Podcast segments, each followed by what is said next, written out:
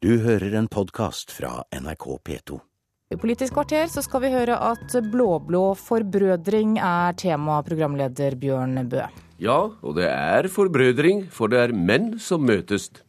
Og så krev arbeidsgivere og arbeidskjøpere sammen endring i arbeidsmiljølova.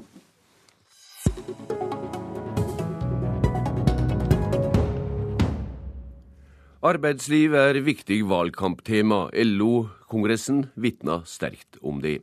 I går sendte arbeidstakerne i Akademikerne og arbeidsgiverne i Abelia ut et felles krav om endringer i arbeidsmiljølova.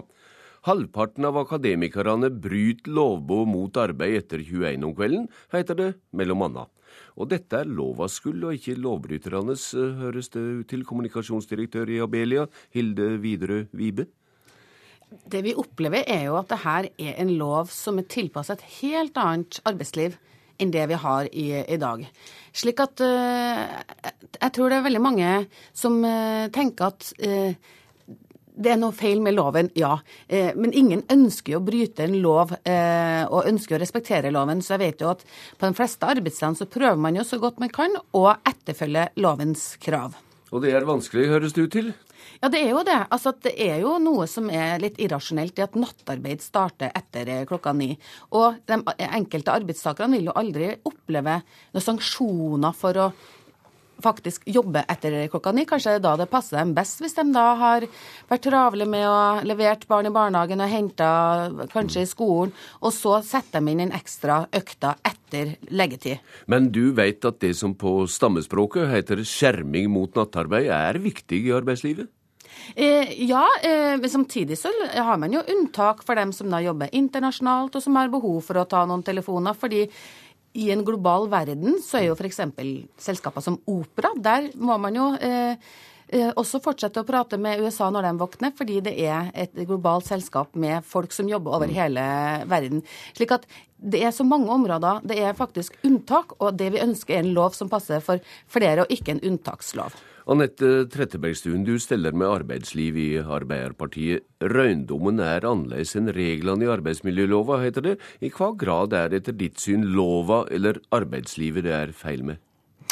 Ja, jeg mener jo at dagens arbeidsmiljølov med de arbeidstidsbestemmelsene vi har, er gode. De er tilpassa et arbeidsliv som uh, som ser forskjellig ut ut ifra hvem du snakker med. Eh, vi skal ha en arbeidsmiljølov som er tilpassa hjelpepleieren, de som har helt vanlige jobber fra ni til fire, som ikke kan ta med seg arbeidet hjem eh, og jobbe etter klokka ni.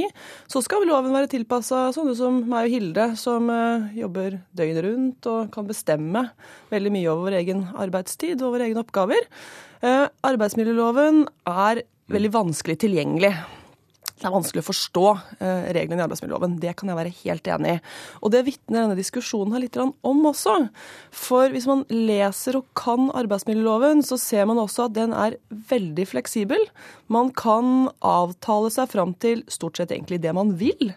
Eh, og det er ikke slik at man eh, ikke kan jobbe etter klokka ni på kvelden. Man har rett til fleksitid. Og det som er virkeligheten ute, hvis du spør alle andre fagforeninger enn Akademikerne, det er at på de arbeidsplassene der det er godt samarbeid mellom ledelse og arbeidstakere, der ordner disse tinga seg helt fint. Det som er viktig for Arbeiderpartiet, er at eh, fleksibilitet er et gode, det skal man kunne ha, men det skal være på arbeidstakers premisser. Det skal være mulig å si nei. Ja, det er nå, forskjellen mellom oss og NHO. Nå hører du her at arbeidsgiver og arbeidstaker i dette tilfellet er samde om lovkritikken, og gjør ikke det inntrykk?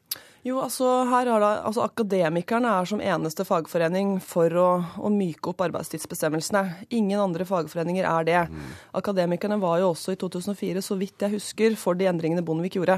Men de er altså den, den eneste fagforeningen som mener det. At arbeidsgiversida mener at det skal bli enklere å pålegge arbeidstaker ubekvem arbeidstid, mer overtid og den type ting. Det er for så vidt ikke noe nytt. Men, men jeg som politiker er nødt til å lytte til begge sider og, og sørge for at vi har en lov som, som er tilpassa de reelle utfordringene i arbeidslivet. Vibe, vil du helst ha nerdete arbeidstakere som sitter med datamaskin i fanget og arbeider på senga? Nei, absolutt ikke. Jeg tror Det den hørtes tida nesten slik ut uh, nettopp. Nei, jeg tror den tida er litt forbi. Altså, Det jeg vil ha, er arbeidstakere som opplever at de kan kombinere og balansere både arbeid og fritid. Jeg eh, tenker at disse endringene i arbeidsmiljøloven er faktisk det viktigste likestillingstiltaket vi har. Mm. Fordi da kan både mor og far ha en 100 eh, jobb og eh, samtidig få familielogistikken til å gå i hop. Trettebergstuen, forsvar for arbeidsmiljølova er et viktig grunnlag for at LO på nytt kaster seg inn i valgkampen for de rød-grønne. Hvordan ser du dette i den sammenhengen?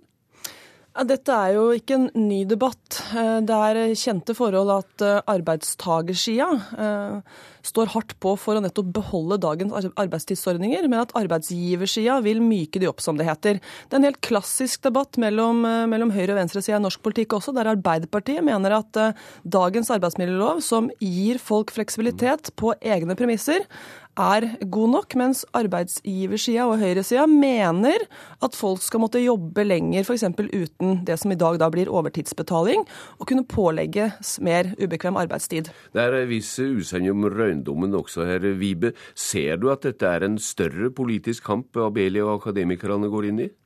Absolutt. Og jeg tror at hvis vi ser litt større på det, så ser jeg ikke at det er nødvendigvis skal være noe problem. Hvis det er slik at vi trenger en sterkere beskyttelsesklausul i arbeidsmiljøloven, så er vi interessert i å diskutere hvordan vi kan få til det.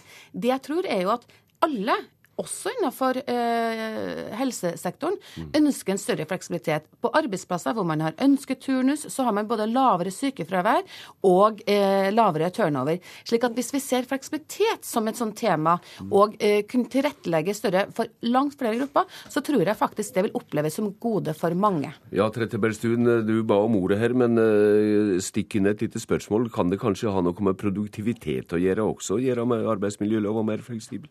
Altså Det at eh, vi i Norge har en av de mest produktive arbeidsstokkene, der ni av ti er fornøyd med arbeidsplassen sin og arbeidslivet sitt, og eh, som gjør det mulig å stå i arbeid lenger, at vi har rekordhøy kvinnelig sysselsetting, det har mye med arbeidslivsloven, arbeidsmiljølovens rammer å gjøre. Eh, Det, den er en årsak til det, og ikke en hindring. Eh, Så vil jeg bare si at Alle de eksemplene som kommer opp på hvordan det burde være, med ønsketurnuser og den type ting, det er ting som skjer i dag innenfor lovens rammer. Loven er meget fleksibel, det gjelder bare å bruke mulighetene. Så er det én ting som skiller NHO og Arbeiderpartiet. Vi vil at arbeidstakere skal ha mulighet til å si nei. Det er et viktig prinsipp for oss. Ellers skal de få den fleksibiliteten de ønsker. Abelia skal ha seminar om arbeidsmiljø i dag. Takk til Anette Trettebergstuen og Hilde Widerøe Vibe.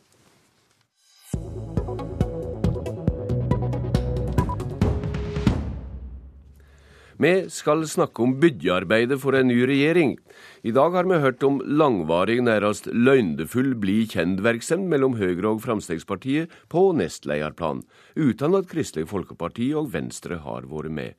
Hvordan oppfatter du dette, samfunnsredaktør i Vårt Land, Berit Aalborg? Du, jeg tror det her kan forstå på to, på to forskjellige måter. Eh, for det første så kan det forstås sånn eh, at, eh, at Høyre på en måte nå har, ønsker å ha Fremskrittspartiet som sin viktigste alliansepartner. Og det at det har vært hemmelig for de to små partiene, gjør at det kan forstå på, forstås på den måten.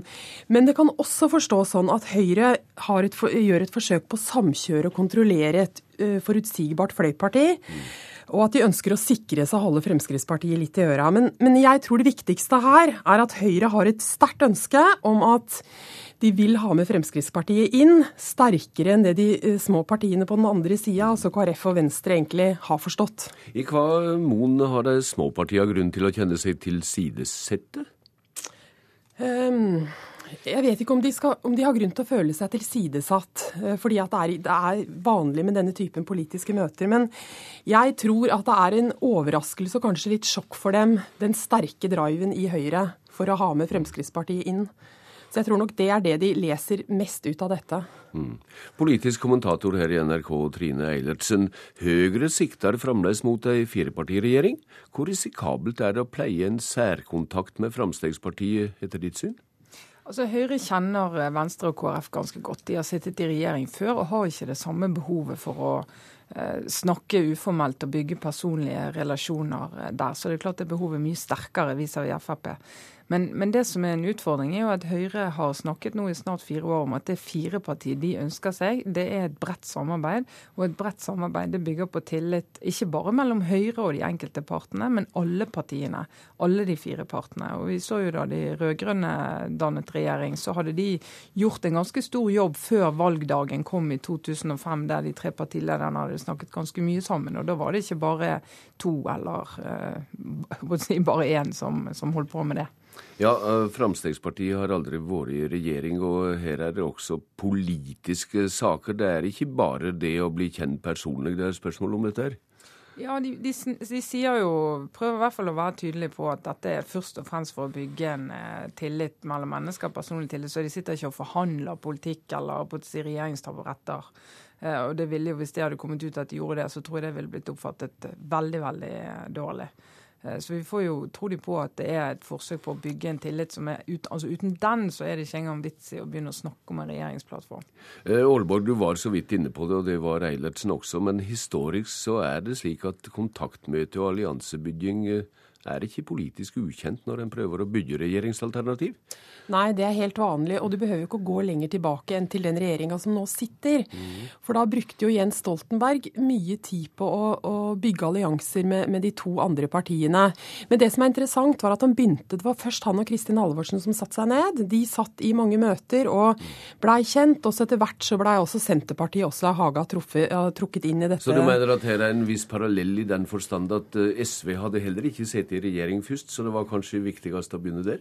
Det kan hende, men samtidig så var nok saken i det tilfellet at Jens Stoltenberg og Kristin Halvorsen var de som kjente hverandre best og hadde det tetteste partiet. Her ser vi nok det motsatte, at man begynner litt i den andre enden. Men parallellen med fløypartiene er nok eh, kanskje en, en eh, aktuell parallell, ja. Et sentralt punkt eh, politisk, eh, det er pengebruket, Trine Eilertsen. Når Høyres Jan Tore Sanner sier han er trygg på at han blir sammen med Fremskrittspartiet om økonomisk politikk, kan det tolkes som et hyggelig resultat av kafémøtet?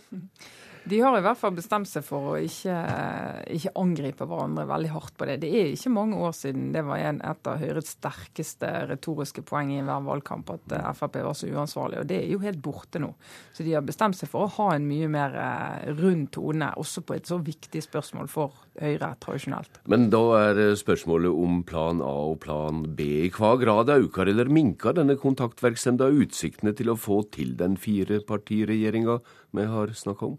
Jeg vet ikke om denne, disse samtalene påvirker det, for det tror jeg eh, handler veldig mye om rett og slett politiske forskjeller og det som Venstre og KrF har vært tydelige på eh, etter sine landsmøter. At de syns det regner det som usannsynlig at det blir en firepartiregjering.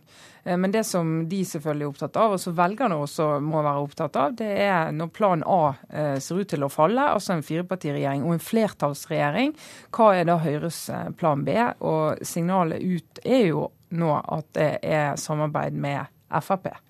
Sier du nå at denne plan A altså er lite tillitvekkende også i retorikken?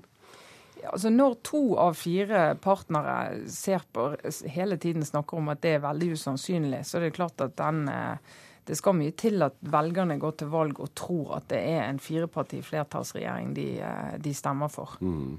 Eh, når dette er såpass uh, tydelig som du sier, da spør jeg deg, Aalborg, i hva grad kan denne sosialiseringa mellom Høyre og Frp etter ditt syn fungere som brobygging også over til sentrumspartiet, altså mellom Frp og sentrumspartiet?